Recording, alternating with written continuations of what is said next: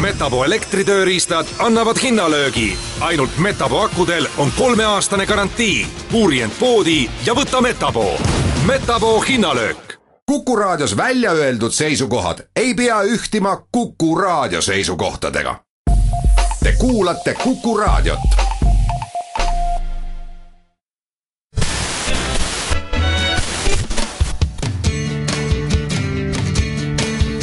Radio Talsinki.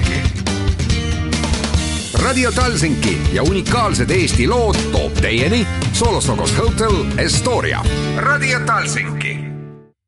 Tervetuloa jälleen Radio Talsinki ohjelman pariin täällä Tapio Reini kanssanne ja tällä kertaa meillä on mielenkiintoisia vieraita täällä ollut minulla haastatteluissa. Haastattelin Ville Itälää tuonne Luxemburgiin ja Ville hän teki Kersti Kaljulaitin kanssa yhdessä hommia neljä ja puoli vuotta, eli tuntee meistä suomalaisista varmastikin kaikkein parhaiten, minkälaisen presidentin tänne sitten Viro sai.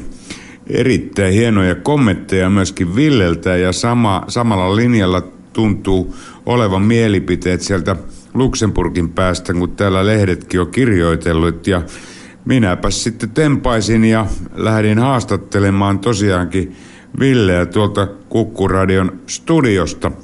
Suoritan sieltä aina nämä vähän niin sanotut tärkeimmät haastattelut, sanotaan nyt lainausmerkeissä sillä tavalla, meidän vehkeet siellä studiossa sitten ei aina ehkä ole niin luotettavia, niin painelen sinne, sinne tosiaan ja sieltä sitten haastattelun tein. Ville Itälän haastattelun pariin siis nyt lähdetään ja kuunnellaan, mitä Ville sieltä kertoili. Tapio Reini soittaa täältä Virosta, terve. Jee, Marjas. Ville Itälä on ilmeisesti puhelimessa. Joo. Ja Luxemburgissa olet tällä hetkellä vai missä päin maailmaa? Kyllä. Joo, tuota, tosiaankin meitä alkoi kiinnostamaan täällä, kun olet tehnyt Viron uuden presidentti Kersti Kaljulaitin kanssa töitä, että ajateltiin, että sinä varmaan tunnet ehkä meistä suomalaisista kaikkein parhaiten tuota Kerstin, että minkälainen ihminen hän oikein on ja ajateltiin vähän kysellä, että mitä, mitä tuota tuntemuksia sulla, sulla on sieltä tuota hänen osaltaan. Että miten luonnehtisit Viron uutta presidenttiä noin työtoverina, kun teitte töitä? Mä oon sanonut aina ensimmäiseksi, kun Kerstinistä puhutaan, että Kerstin on semmoinen tota, työorientoitunut, että hän, hän tota, perehtyy asioihin valtavan hyvin ja sitten hänellä niin on, on semmoinen nopea äly, että hän omaksuu tosi nopeasti vaikeitakin asioita ja, ja tota, sillä hän tietysti kerää aika paljon luottamusta ja kunnioitusta sitten työkavereiden keskuudessa. Onko hän yhtä sillä niin kuin me ollaan molemmat sieltä Länsi-Suomesta kotoisin, niin, niin kuin Täpselt, kun hän puhuu yleensä tuota, esimerkiksi teidän kanssa, niin kun te yhdessä tehdä, teette töitä, niin että ne vastaukset ja muut asiat, kun tuossa tavalla kun työtoverit keskenään keskustelee, niin on yhtä jämäköitä, mitä ne on täällä ollut tuota, Viron puolella. Joo, kyllä ne, kyllä ne on jämäköitä joo. Että semmoinen sitten niin kuin eurooppalaisittain tiedetään, että kulttuurit on erilaisia, toiset niin kuin jaarittelee suomalaisen näkökulmasta aika pitkään niin kun ne menee asiaan, niin kyllä, kyllä Kerstiltä tulee aika jämäkästi se, se asia nopeasti jaarittelu ja siksi. niin, ettei paljon jaarittele. Täällä on tuota journalistit, just se on koettu aikamoisena haasteena tässä, että Kerstinia kun haastattelee, niin siellä täytyy olla kysymyksiä vähän enemmän ja muuten tulee hiljaisia hetkiä, kun vastaukset on niin nopeita ja teräviä.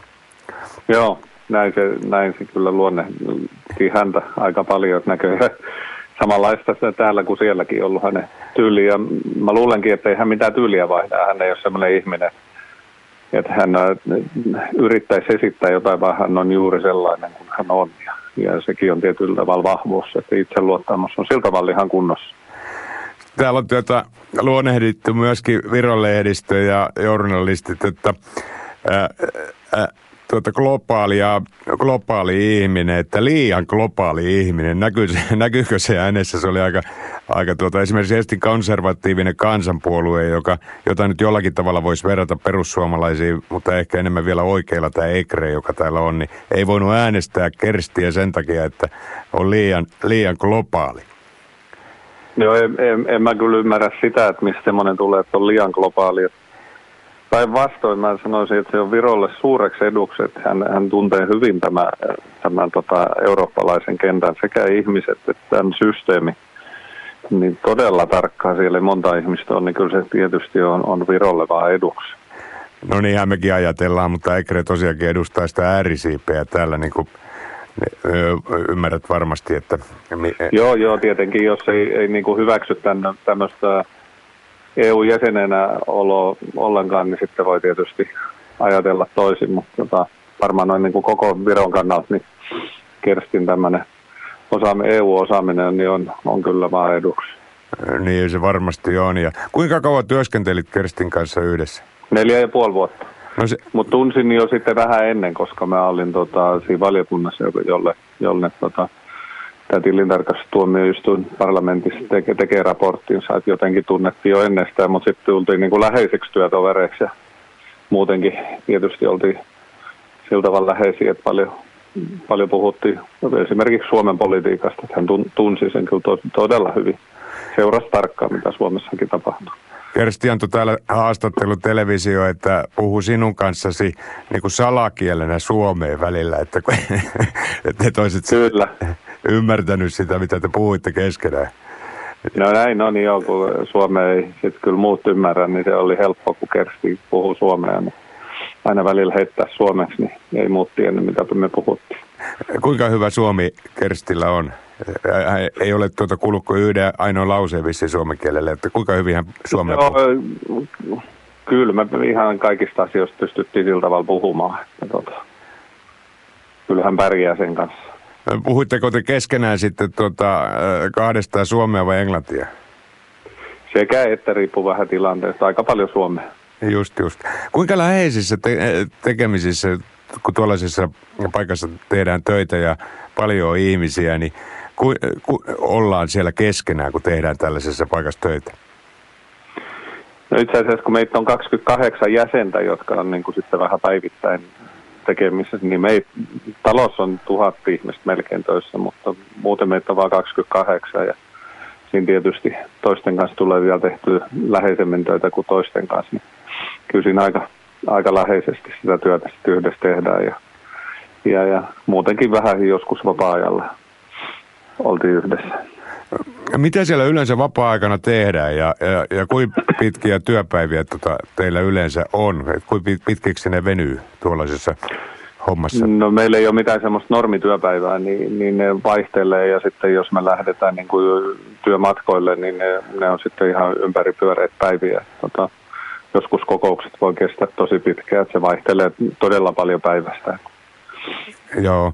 Ja sitten tuota, kuinka pitkiä periodeja siellä ollaan, että pääsee kotona välillä käymään? Sinäkin käyt siellä, oletko Turussa nykyään sitten, sitten se kotipaikka vielä vai missä päin Suomessa? Ei ole, ei ole. Kyllä mulla muutti perhe sitten tänne, että kyllä tämä on niin tiivis työpaikka, että ei täällä kauhean usein sitten käydä. Niin kyllä perhe on nyt täällä, että ei meillä ole Turussa enää kotiasunto ollenkaan. Kesämäkki on kyllä siellä Naantalin velkuilla. Just, just. Entäs tuota Luxemburg muuten paikkana, että miltä se tuntuu? No kyllä tämä siis suomalaiselle sopii varmaan paremmin, kun me tultiin Brysselissä, niin, niin tota, kyllä tämä suomalaiselle ihan tämmöinen mentaliteetti on, että asiat, asiat hoituu, on siistiä ja aika turvallistakin. Joo. Ihan hyvä paikka. Ei. Kuinka kauan sinulla on itselläsi jäljellä vielä sitä? Puolitoista vuotta. No, siinä on sitten vielä, ja sitten taas Suomeen ja päivän politiikkaan mukaan ja sillä tavalla. No joo, se puolitoista vuotta on nykyään tässä maailmassa niin pitkä aika, että muutokset voi olla tosi nopeat joskus. Olitko sitä mutta silloin töissä, kun Kersti Kaljolaitille eh, tarjottiin tätä presidentin paikkaa ja, ja tota, kuinka nopeasti hän kertoi siitä yleensäkin muille työtovereille, että se, hänelle semmoista on ehdotettu? No hän kertoi jo tuossa paljon aikaisemmin, kuukausia aikaisemmin, että hän on miettinyt, että hän voisi olla niin kuin ehdokkaana – mukana ja tietysti siellä niin kuin Viron julkisuudessa näkyy, että siellä on kyllä niin kuin alkuasetelmat semmoiset, että jotkut muut nimet oli niin todennäköisempiä tulla valitukset. Kyllä se sitten siellä lopussa, niin se tapahtui todella nopeasti.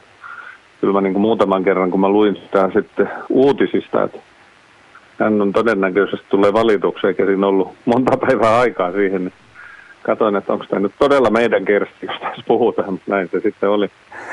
Mut, yllätys se kaiken kaikkiaan ollut, mutta jotenkin kaikella tavalla positiivinen yllätys. Joo, mutta siis siitä oli jo puhetta paljon paljon ennen presidentinvaaleja, että lähtisikö hän ehdokkaaksi. Niin, hän, hän pohti sitä ehdokkuutta kyllä jo aikaisemmin jo. Tämä taitaa olla aika monelle täällä Virossa aika uusi asia ja ei ole ollut julkisuudessa siitä silloin paljon puhetta. Ja sitten virolaiset ei oikein hyvin tuota Kerstiä tuntenut ja puhuttiinkin siitä, että hän on tuntematon ehdokas ja se on ollut isoin työ sitten saada Kerstistä mahdollisimman paljon niin kuin tietoa, että kun siellä aika kauan on ollut siellä, siellä Euroopan puolella, niin niin se oli se asia, joka täällä eniten puhuttiin, että kuka se on ja mitä se tekee ja onko siitä mihinkään. No joo, ihan varmasti, että kun tekee täällä työnsä hyvin, niin se vaatii sitten täällä sitä totaalista läsnäoloa, että siinä ei voi sitten molemmissa paikoissa olla. Ja tota, samalla tavalla Suomessa mulle on sanottu, että olet aika paljon hävinnyt, kun ei näy enää täällä, mutta se ei, niin kuin, se ei oikein ole mahdollista tehdä sitten molempia asioita. Jos työnsä tekee hyvin, niin sitten täytyy vaan olla täällä ja tehdä täällä sitä työtä. Mä sitten taas uskon, että Kersti on niin helposti lähestyttävä, että hän tulee tutuksi kansalaiselle varmaan aika nopeasti siellä. Ja paljon on, on nyt ollut julkisuudessa ja sanoi, että ensimmäinen hänen työnsä onkin kiertää täällä Virossa nämä paikat ja tehdä itsestään niin kuin neljän silmän vahel, sanotaan niin kuin välillä, tutuksi itsensä. Ja antanut kyllä erittäin sympaattisen ja ja upean kuva itsestään ja ilmeisesti tällaisesta ihmisestä sitten myöskin kysymys. Joo, mä olen sanonut sitä, että Kersti ei niin kuin luonteeltaan semmoinen, että hänellä menisi niin kuin hattuun nämä asiat, vaan hän pitää jalat lujasti maassa ja siinä mielessä on niin kuin positiivisesti tavallinen ihminen, että ei, ei, ei tosiaan kuvittele mitä turhia asioita itsestään, vaan ymmärtää tavallisia ihmisiä yrittää elää samalla tavalla kuin normaalit ihmiset elää. Jotenkin sekin tuntuu hyvälle, että hän puhuu suomea, vaikka tietysti äh, poliitikot kaikki puhuu hyvää englantia ja muuta, mutta äh, ne suhteet Suomeen, niin mä uskon, että ne paranee vaan tuota kerstiaikana. Jotenkin tuntuu siltä. No, no näin voisi kuvitella, koska hän niin tarkkaan seurasi Suomea ja hän pitää Suomesta ja se tietysti lämmitti suomalaisena sydäntä, kun hän sanoi, että hän ensimmäinen valtiovierailu tulee olemaan Suomeen. Niin se oli tietysti niin kuin, a- aika hieno asia suomalaisella. No niin, nyt sitten vaan seuraavissa presidentinvaaleissa itse asetut siellä sitten ehdokkaaksi ja sitten saadaan sieltä, sieltä Suomenkin presidentti. No täällä on, täältä on jo tullut Suomen presidentti ja, ja tota, hyvä presidentti ja toivon mukaan hän nyt jatkaisi sitten vielä siellä. Ä niin. Meillä Suomessa. Ä niin, on teidän puolueen miehiä vielä kaiken lisäksi. No kyllä joo. Joo. Ei mulla mitään tota, muuta ole oikein hyviä syyspäiviä sinne Luxemburgiin ja kiitos Ville oikein kovasti, kun vitsit antaa meille haastatteluja. Samat, samat kuvat sieltä tuli, kun me itsekin ollaan saatu täältä, täältä, täältä näiden eri haastattelujen ja muiden osalta Kersti Kaljulaitista. Kiitos Ville oikein kovasti. Okei. Okay. Hyvä, kiitos, kiitos. Kiitos, hei hei. Siinä oli Ville Itälän ajatuksia Viron uudesta presidentistä ja hyvältä hänen tosiaankin kuulosti. Laitetaan musiikkia tähän väliin ja pidetään myöskin pieni katko ja palataan sitten jälleen Radio Talsinki-ohjelman pariin. Johnny Cash on seuraava esiintyjä ja lauleskelee upean biisinsä.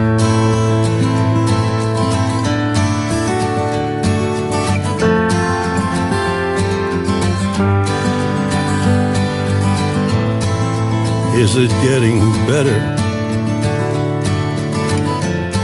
Or do you feel the same?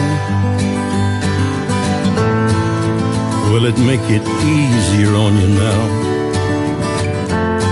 You got someone to blame. You said one love, one life, when it's one need in the night one love, we get to share it. It leaves you, baby, if you don't care for it.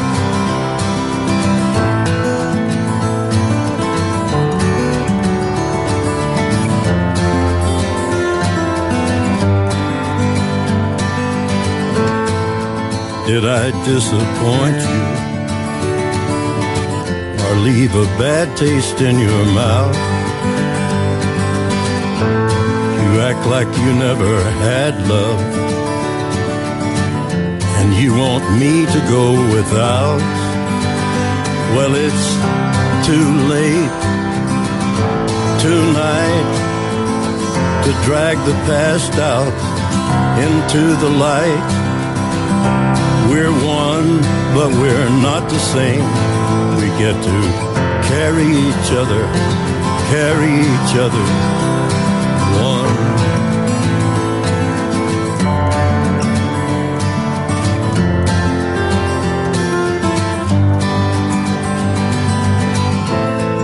Have you come here for forgiveness? Have you come to raise the dead? Have you come here to play Jesus? To the lepers in your head? Did I ask too much?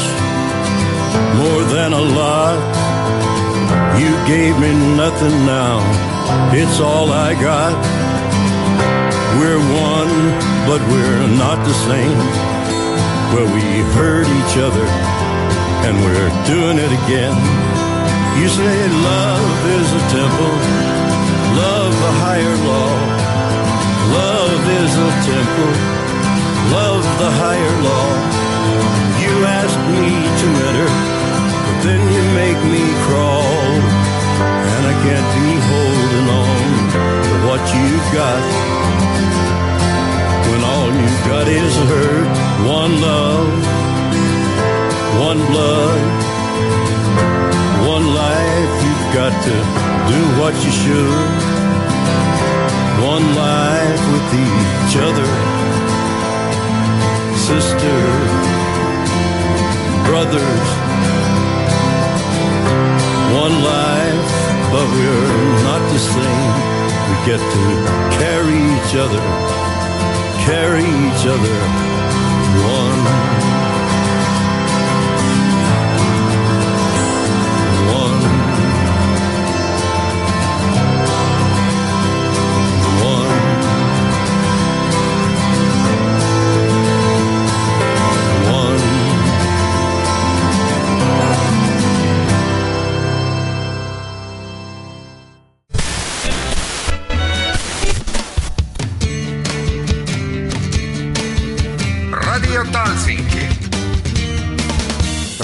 Talsinki ja unikaalsed Eesti lood toob teieni Solostokos Hotel Estoria.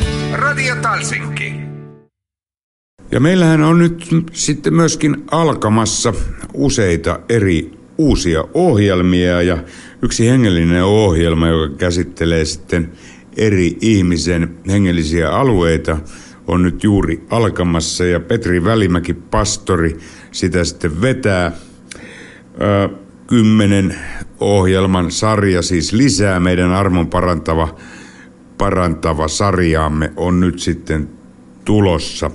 Ja Petri myöskin kävi täällä nyt sitten äänittelemässä meidän studiossa tämä, nämä ohjelmat ja, ja pyysimme häntä myöskin Radio Talsinkiin hieman kertoilemaan, mistä tässä ohjelmassa armon parantava voima tiimoilta sitten oikein on kysymys ja sitä siinä hieman käsiteltiin ja lisää voi sitten kuunnella myöskin meidän meidän sss-radio.ee sivuilta ja käydä katsomassa sitten myöskin siellä ohjelmistosta, että koska tämä ohjelma tulee ulos. Ensimmäinen ohjelma tuli eilen, eli sunnuntaina kello 11 ja tänään sitten toistona toisen kerran, että pääsee siinä sitten mukaan ja ilman muuta sitä kannattaa sitten lähteä kuuntelemaan. Itsetunto teemalla siellä lähdettiin liikkeelle ja sehän on meille kaikille erittäin tärkeä asia. Jos ihminen menettää itsetuntonsa, niin se menettää, hän menettää sitten aika paljon itsestään ja, ja sillä teemalla tosiaankin on kuusi ensimmäistä jaksoa tämän armon parantava voima sarjan osalta. Tällainen on ja sitten neljä, neljä jaksoa vielä siihen sitten lisää. Sitten myöskin Niina Pell saapuu nyt alkuviikosta huomenna ilmeisesti tänne Tallinnaan, jolle ei sitten ole saatu, saapunut jo tänään. maanantaina, teen sunnuntaina tätä lähetystä, niin en voi tietää sitä vielä, mutta jompana kumpana päivänä hän tänne saapuu. Ja lasten ohjelmista on nyt kysymys. Musiikkia ja tarinoita Niina Pellin malliin ja Niinahan tulee sieltä Helsingistä. Hytösen Ville on meille aikanaan tuota koonnut tai lueskellut täällä lapsille satuja, mutta nyt saadaan sitten Niina Peli, joka on myöskin lastenkirjailija, niin omia juttujaan täällä meille lähettelemään. Ja minulle on ollut erittäin tärkeää, että saataisiin tosiaankin lastenohjelma myöskin alkuun niille pienemmille naperoille ja nyt se sitten vihdoin viimein saadaan. Sitten kolmas ohjelma, joka meillä on alkamassa, on Reinteen Repasen, nykyisen Dingo-kitaristin, tuota, Hai-ohjelma, joka perustuu kaksituntinen ohjelma. Torstaisin alkaa kello 18 ja vinyyli musiikkiin pohjautuva juttu ja se on vironkielinen ohjelma ja, ja kahdella kielellä tässä radiossa mennään ja se on minusta hieno asia, niin tulee sitten molemmat kielet, kielet täällä meillä, meillä tosiaankin tuota olemaan kuuluvissa. Nuorten ohjelmamme on hip-hop-ohjelma, joka on 17-vuotiaiden kavereiden tekemä ja nyt siis tämä vähän vanhempien virolaiskavereiden hai-ohjelma torstaista lähtien, että olkaa kuulolla. Se on, voi olla hieman semmoista repäisevämpää kamaa ja onkin näin, näin olen tosiaankin tuota äh, kuullut. Eli kolme uutta ohjelmaa alkamassa ja aivan tuota pikaa. Kyllä tässä kehitetään tosiaankin suomalaista radiotoimintaa ihan tosissamme. Mutta kuunnellaan tässä nyt ensin Petri Välimäen haastis tähän väliin ja mitä hän sitten kertoilee. Radio Talsikin on tullut myöskin vieraaksi Petri Välimäki tuota Lahdesta ja kyseessä on pastori. Alkaa meillä nyt uusi ohjelmasarja, tai oikeastaan jatkuu yhdeksäs osa jo sitten on menossa niin armon parantava voima. Ja ajattelin, Petri, sinulta kysyä hieman, että minkälaisesta miehestä on kysymys ja uskotko sinä yleensä tuohon, tuohon kaikkeen tuupaan, mitä sinä täällä nyt meidän SSS-radiossakin alat täällä puhumaan ja kertomaan Jumalasta ja kaikista jutuista. Kerro vähän itsestäsi. No minä olen siis Välimäen Petri ja, ja, ja tota, uskon siihen, mitä kerron. Uskon, uskon siihen, mistä puhun. Oma taustani on tosin sellainen, että, että on nuorena miehenä ihan julistautunut ateistiksi ja yrittänyt kieltää sitä, sitä asiaa, mutta sitten elämässä tuli sellainen vaihe, jolloin sain kohdata sen, että, että hyvänen aika, minä olen erehtynyt se, siis siinä ateismissa. Se oli, se oli valtava yllätys ensin ja, ja on todella onnellinen siitä yllätyksestä, että, että Jeesus elää, Jumala on totta. Me ei olla sattumalta tähän maailmaan tultu ja nyt on siis tällä hetkellä Perheniemen evankelisen opistossa semmoisella nimikkeellä kuin tavoittavan työn johtaja ja myös kriisiterapia ja sieluhoidon kouluttaja, joka joka sisältyy, liittyy siihen, että aikaisemmin on aika kauan toiminut valtakunnallisen kriisipalvelun toiminnanjohtajana ja runsaan 20 vuotta erilaisissa tehtävissä ollut, ollut vaikeassa tilanteessa että läheisten rinnalla ja, ja sitten hyvin paljon kouluttanut näitä asioita. Tehnyt aika monta kirjaa ja televisio-ohjelmia ja radio-ohjelmia ja ylipäänsä tällä alueella toiminut. Niin sinähän olit myöskin ottamassa vastaan silloin ja auttamassa ihmisiä, jotka silloin aikanaan pakolaisia tuli, tuli tuota, Suomen Bosniasta ilmeisesti, vai mistä Silloin tuli Kosovosta, mutta on, on tietysti moniakin eri, jotka on tullut turvapaikanhakijoita Suomeen eri, eri aikoina, niin jonkun verran ollut, että kyllä siinäkin asiassa. Ja, joo. Olet myöskin vierailu vankiloissa ja kaikenlaisissa erilaisissa vaikeissa paikoissa, missä ihmiset sitten joutuvat, joutuvat olemaan. No kyllä näin on ja aika mielenkiintoinen asia on sellainen, että, että itse asiassa ihan vankiloissakin niin – niin siellä kohtaat usein niin valtavan hienoja kohtaamisia inhimillisten ihmisten kanssa. Ja, ja jotenkin tuntuu, että, että monta kertaa saattaa olla, että, että mennään jopa tietyllä tavalla niin syvemmälle siinä kohtaamisessa kuin jossakin siviilissä. Siis sillä lailla, että, että monet näistä ihmisistä niin ymmärtää, että he tarvitsevat armoa ja, ja se on monille heistä hyvin tärkeää. Ja se, se jotenkin välittyy siihen kohtaamisen sävyyn myöskin, että on aivan, aivan huikea hienoja kohtaamisia kokenut myös vankiloissa. Yksi asia, joka oli aika mielenkiintoinen ja sellainen tosiaankin, mistä sitten itsekin sanoit myöhemmin, että näiden asioiden kanssa ei kannata alkaa leikkimään, niin oot suorittanut yhden manaamisen. Nyt, nyt, nyt en tarkoitat sitä, että joltakin niin kuin ihmiseltä joku on vapautunut tämmöisestä hen, henkivalloista. Kyllä.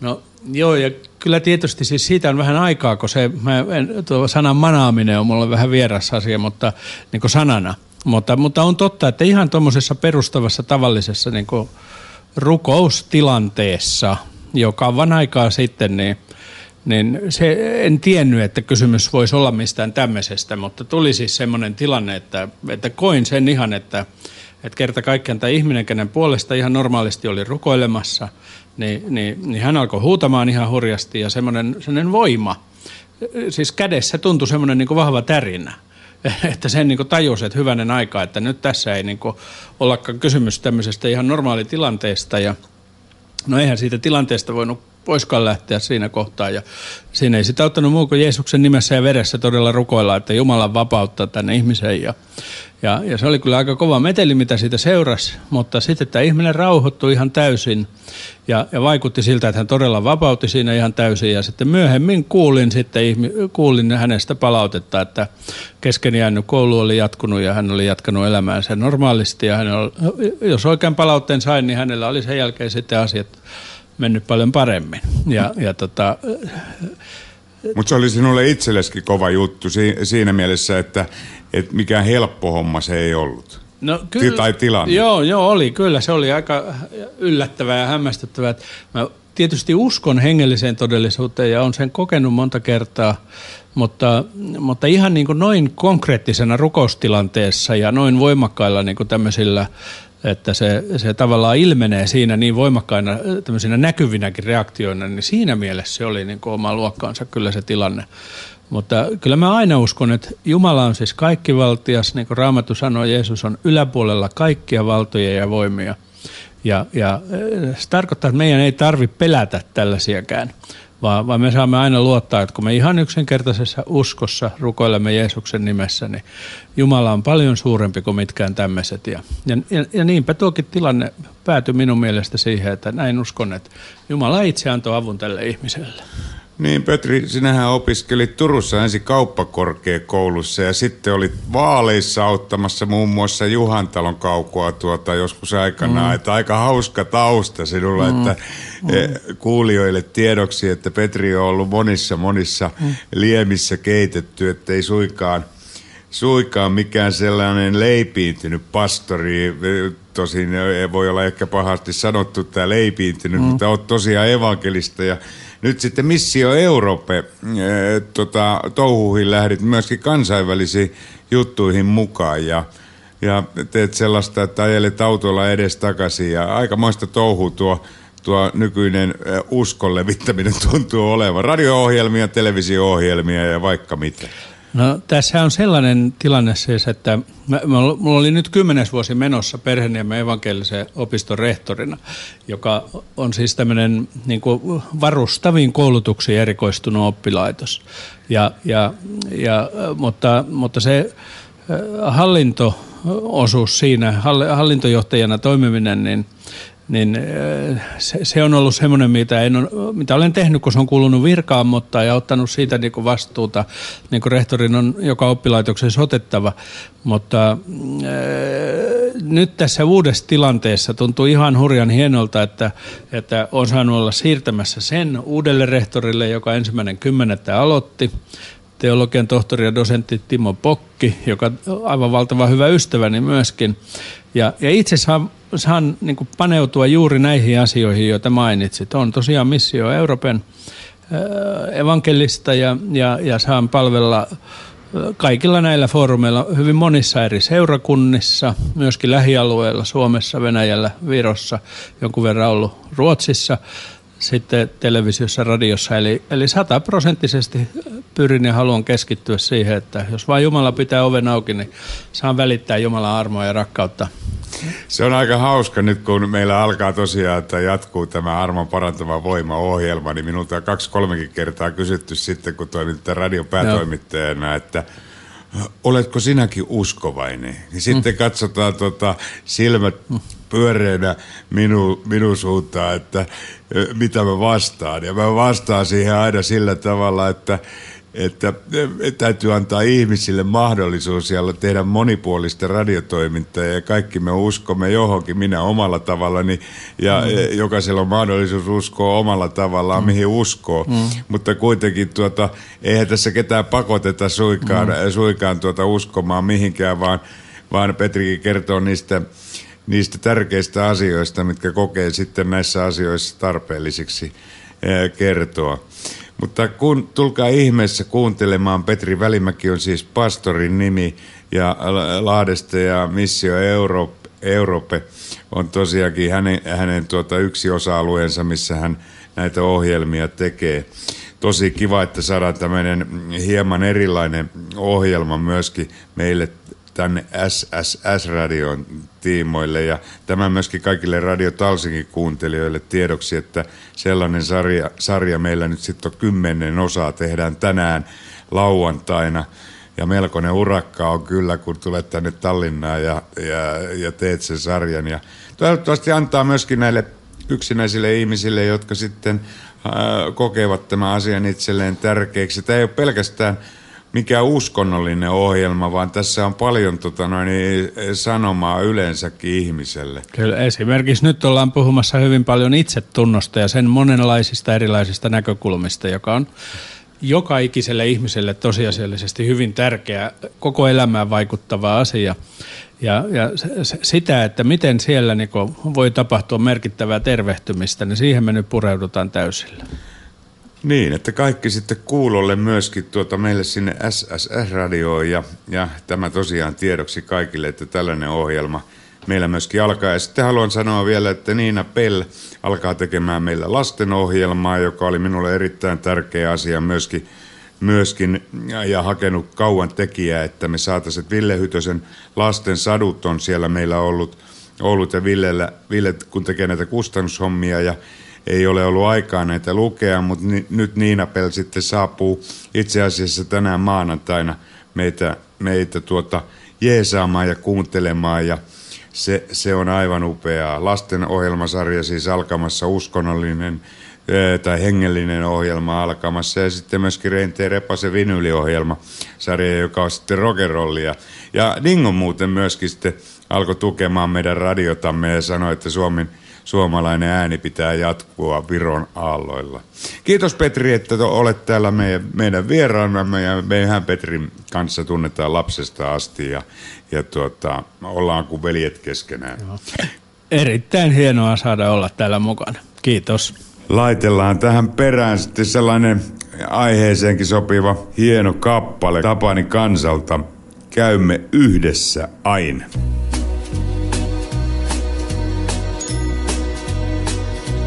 Muistathan kuinka niin, silloin kun me kohdattiin, aina toistemme seurassa olla luvattiin.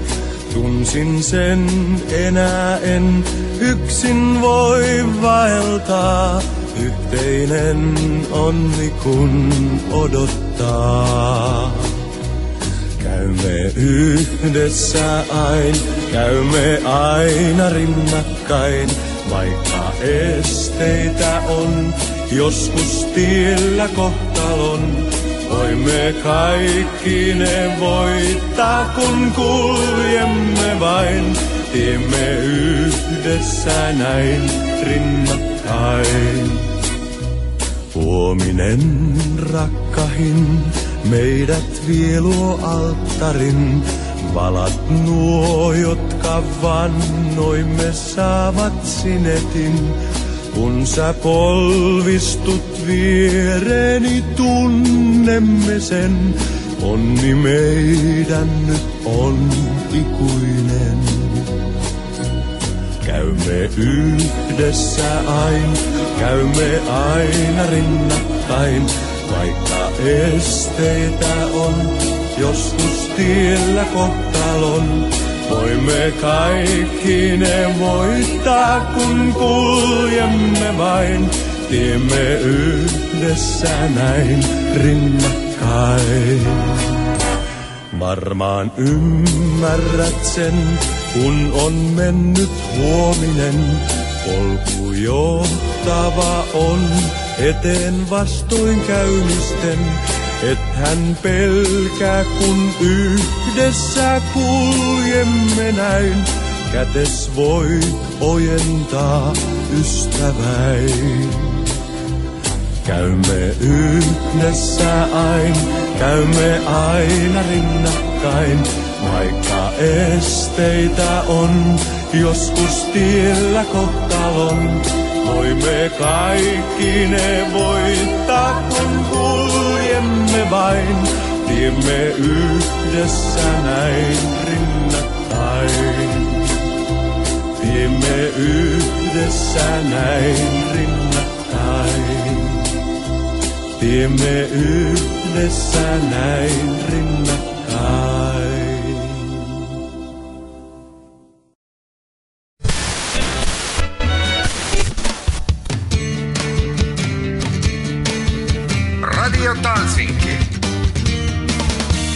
Talsinki ja unikaalsed Eesti lood toob teieni Solostokos Hotel Estoria. Radio Talsinki.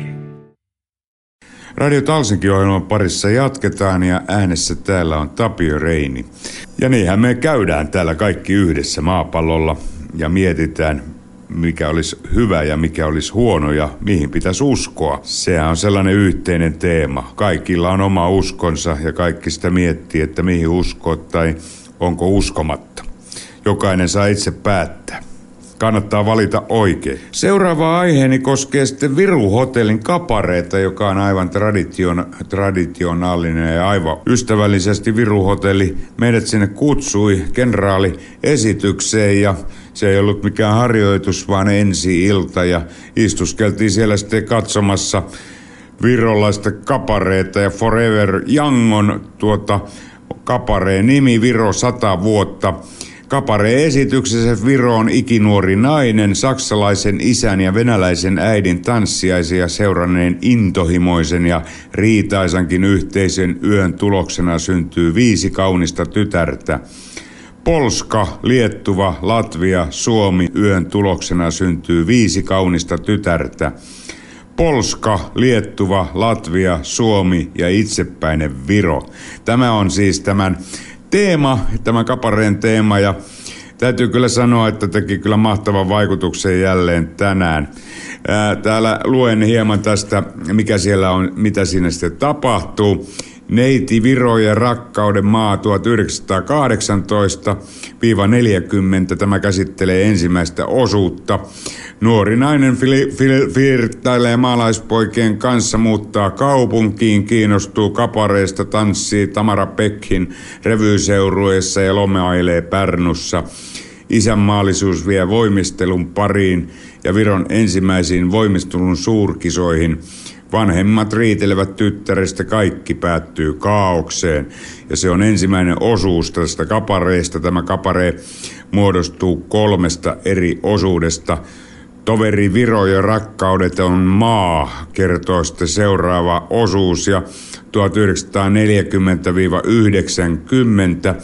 tässä sitten käsitellään sitä lohdutonta neuvostoaikaa myöskin. Ja siellä eräs venäläinen katse, katseoja muuten hieman tuohtui, kun käytiin siinä ulkoisella esitysten välissä. Ja, ja ilmeisesti vähän loukkaavasti, loukkaavalta tuntui se, miten Neuvostoliiton aikaa siinä käsiteltiin. Ja aika tuota, sellaiselle miten minä nyt sanoisin, kiinnostavalta se tuntui, että vielä nämä asiat on näin pinnassa ja, ja tällainen äh, kaparee-esitys myöskin saa sitten ihmiset vielä ihan kuumaksi niissä, että mitä siellä sitten esitellään. Viimeinen osuus tästä kapareesta oli Neiti Estonia ja Vapaan rakkauden maa. 1991 vuodesta sitten eteenpäin käsittelee sitä ja sa- samalla teemalla siinä sitten mennään. Minä tuota suosittelen ehdottomasti kaikkia lähteä katsomaan tätä ja vaimon kun ottaa mukaan ja syö hyvin ja katsoo sitä kapareita, niin se on jotakin muuta kuin, kuin yleensä. Ja vaikka sitten Tallinnan reissulle, kun lähtee tänne, niin ehdottomasti se on katsomisen arvoinen ja jokainen voi itse todeta nämä puvut, jotka siellä, siellä oli ja kaikki se kapareen tunnelma, joka saadaan sinne aikaiseksi, niin aivan uskomattoman upeaa. välkehtiviä asuja, tanssivia, nuoria upeita naisia ja myöskin miehiä. Ja sitä on vaikea selittää näin, näin se pitää tietenkin itse nähdä ja kokea. Menkää siis ihmeessä sinne, minä suosittelen sitä lämpimästi. Ja, ja viime vuonna olimme myöskin siellä ja tuntuu siltä, että tämä kaparee vaan paranee vuosi vuodelta. Näin luonnehti moni muukin kuin minä. Seuraava aiheemme on sitten sellainen vähän mielenkiintoisempi aihe, nimittäin me olemme nyt kolme kuukautta olleet ää, tuota, radiolupinemme kanssa täällä liikkeelle, jota ollaan sitten anottu aina kuukaudeksi kerrallaan, eli väliaikaisia lupia ja nyt sitten tuota käsitellään sitä tällä hetkellä. Me olemme laittaneet anomuksen sisälle, että me saisimme vielä sitten jatkaa ja siellä tuota teknisen järjevalve Ammetin kanssa tästä asiasta ollaan keskusteltu ja lähetettiin sinne myöskin hakemukset. Meitähän on nyt tällä hetkellä tukemassa voimakkaasti Suomi-seura, joka sieltä sitten Jarmo Virmavirta myöskin kirjoitteli meille tukikirjeen, että miten hän kokee, että onko suomalainen radiotaajuus täällä Virossa paikallaan ja sitten myöskin Kanadan suomalainen radio lähti meitä tukemaan ja Espanjan radio Finlandia. Ja sitten oli journalisteja, lukuinen joukko, jotka kirjoittelevat Suomen suurimpiin medioihin, kuka mihinkin ovat siellä antaneet nimensä käyttöön tukevina henkilöinä, että täällä tosiaankin olemme lunastaneet paikkamme virolaisilla radioaalloilla. Mutta yksi asia, joka minu, minua tuota, muutti pääni punaiseksi, jälleen kerran siis, ja haluan siitä asiasta puhua, kun tästä asiasta keskusteltiin, niin tuli sellainen asia sieltä toiselta puolelta käsittelyyn, että siellä käsitellään, että ää, tarvitaanko täällä suomalaista radiotaajuutta yleensäkään täällä Viron puolella. Ja siinä vaiheessa pääni muuttui tuota sellaisen, sellaiseksi vihertävän punaiseksi. Sellaiselle vääkunnon ufoilla on sellainen, että se ei ole enää punainen, vaan se on enemmän kuin punainen. Nimi, nimittäin, jos nyt ajatellaan tätä asiaa sillä tavalla, että Suomessa on tällä hetkellä virolainen radiokanava, joka välittää Porvoo, Helsinki, Turku akselille tuota ohjelmia ja hienoa, että siellä tosiaankin sellainen radiokanava on.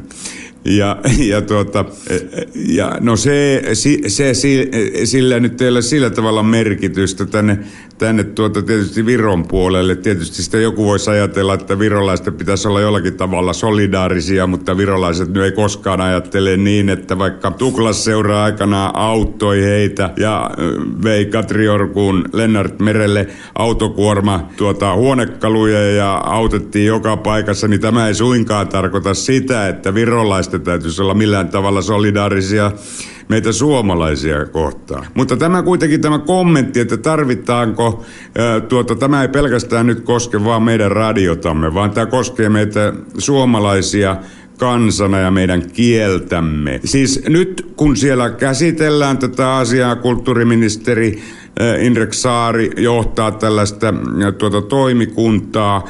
Ja jos sieltä tulee hylätty päätös, että suomalaista ääntä eikä kieltä ei tarvita radiotaajuuksilla, niin se tarkoittaa samalla sitä minun mielestäni, että Viron kulttuuriministeriö pitää suomen kieltä turhana kielenä. Ja sitten toisen kautta, jos ajatellaan sitä asiaa, että että äh, tarvitaanko meitä, niin onko meillä näyttöjä. 14.2014 aloitti meillä Radio Talsinki-ohjelma siellä tuota helmikuussa taisi olla ensimmäinen päivä helmikuuta, ensimmäinen lähetys, kuuntelijoita 7000-8000. Ja siitä lähtien tänne asti on ollut meillä yhdellä ainoalla ohjelmalla kuuntelijoita 7-8 tuhatta ja välillä 10 000. Ja nyt mä haluaisin, tuota, että kulttuuriministeriö, Viron kulttuuriministeriö voi sieltäkin mennä jäähalliin ja katsoa kuinka paljon tuollaisessa, kun jääkekoottelussa on halli täynnä, jäähalli täynnä. Kuinka paljon se on ihmisiä ja tuota, vaikuttaako se siltä, että siellä on paljon ihmisiä vai vaikuttaako se siltä, että eihän täällä paljon ketään ole, että tällaisia päätelmiä voi siellä sitten tehdä. Ja to, tosiaankin se on vaan ainoastaan yhdestä ainoasta ohjelmasta kysymys. Sen jälkeen on nettikuuntelijat tietysti ympäri maailmaa, 130 maata.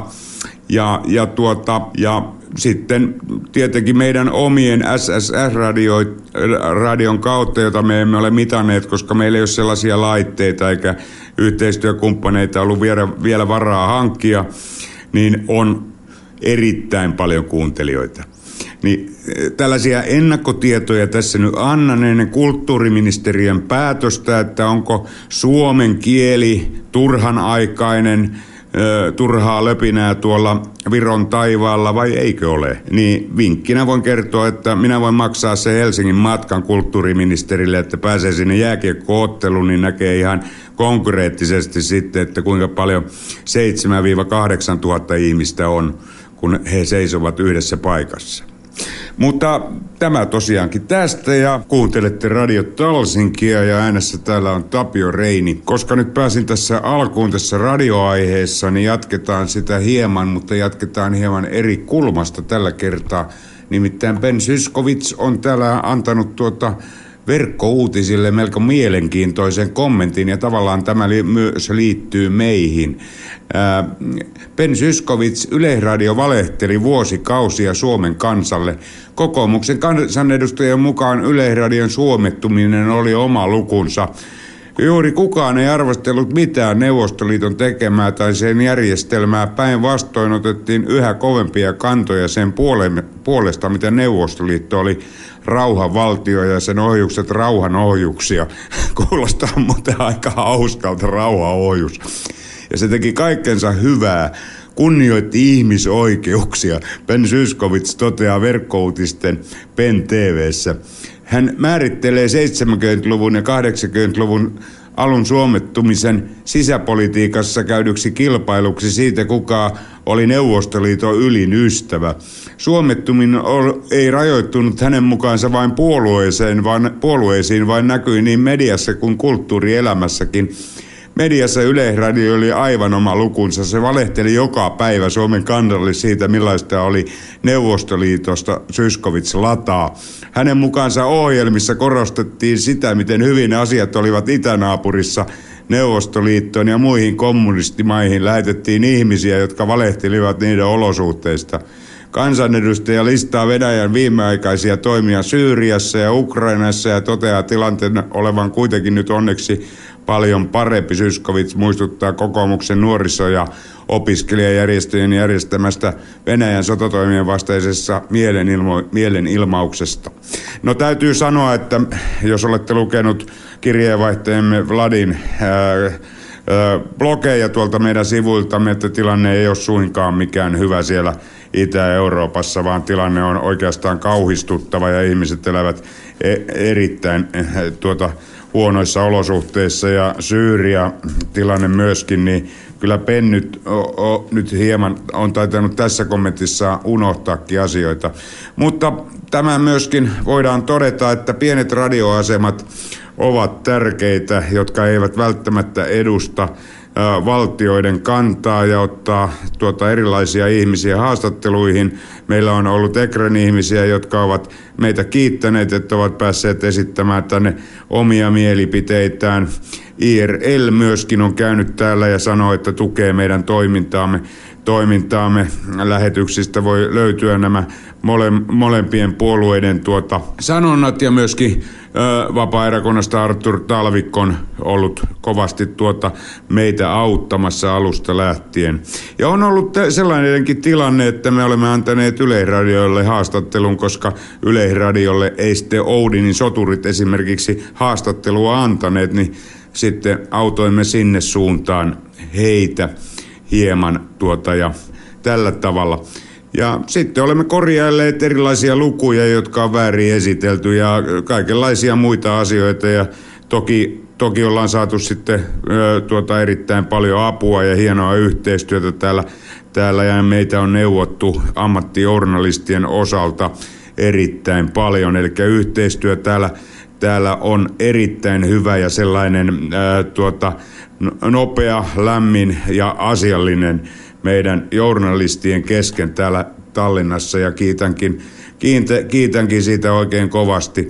Unohdin muuten mainita, kiittää Su- Suomen, Su- Suomen virolaista kir- seurakuntaa ja kirkkoa, joka myöskin lähti meitä tukemaan ja, ja antoi nimensä sinne papereihin, jotka lähde, lähetettiin sinne teknilliseen virastoon, niin, niin tuota, käyttöön ja kertoivat, että totta kai he tukevat suomalaista radiota ja, niin, ja meitä, että meidän lähetykset saisivat jatkua. Tällaiset asiat tässä nyt on pinnalla ja eipä sille mitään voi, että tämä nyt hieman tuota minuakin päätäni kuumentaa, kun tässä on sentään sen verran kauan näitä radio-ohjelmia tehnyt, niin, niin, ja me vedän myöskin porukkaa, joka on aika iso, yli 20 henkilöä, jotka toimittavat meille ohjelmia ja omien edessä pitää seisoa, se on aivan selvä asia, asia tuota, että omiaan pitää puolustaa ja johtaa edestä, niin kuin, niin kuin sanotaan, eikä, eikä jostain takaa.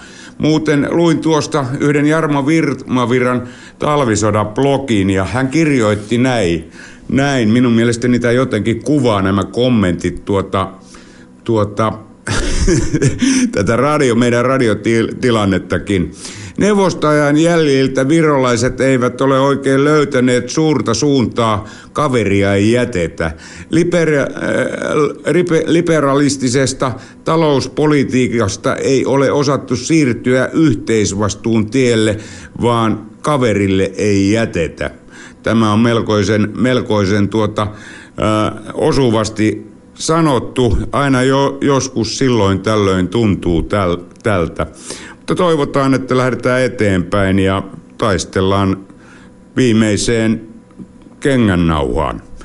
Lähetyksen teki teille tällä kertaa Tapio Reini ja, ja Viro on saanut hieno presidentti. Ollaan kuitenkin onnellisia ja toivotaan, että monet monet asiat muuttuvat tässä maassa vielä aina vaan parempaan suuntaan. Lopetan nyt lähetykseni tähän tällä kertaa ja laittelen teille sitten vielä hienon piisin tähän loppuun. Vanhan merirosvon kapakassa. Se on iloinen piisi, ettei sitten jää surullinen fiilis, niin laitetaan se viimeiseksi. Ei mitään syytä, miksi se laitan. Morjes vaan kaikille ja ensi viikolla jatketaan.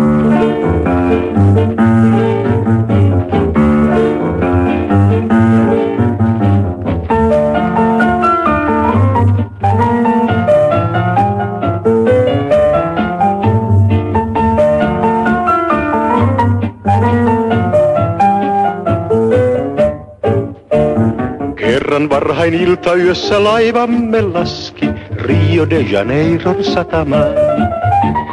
Juoksujalkaa kiiruhdimme jokainen heppu vanhan merirosvon kapakkaan.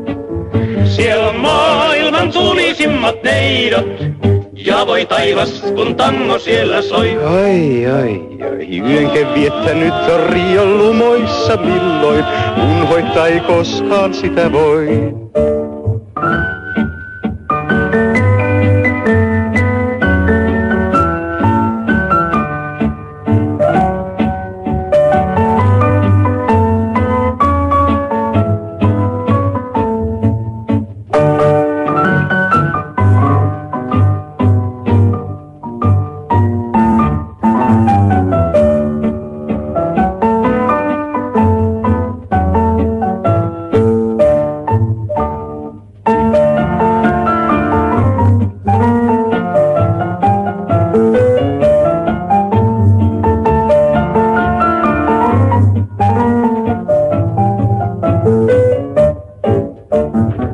Muistok sieltä lähteissäni vein ensi lemmen, Rio Ruusundon ja Carmenin.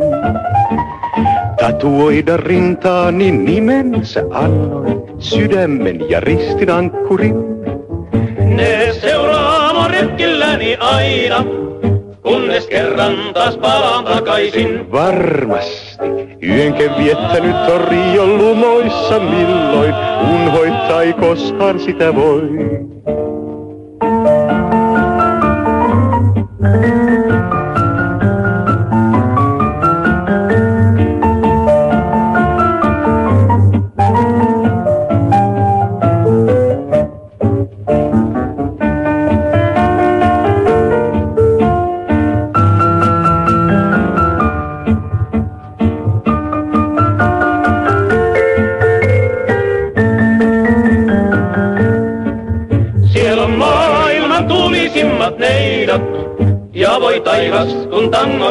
Soi. Oi, oi, oi, yönken viettänyt on Rio lumoissa milloin, unhoittaa ei koskaan sitä voi.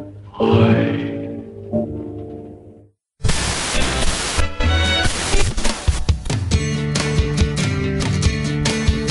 Radio Talsinki.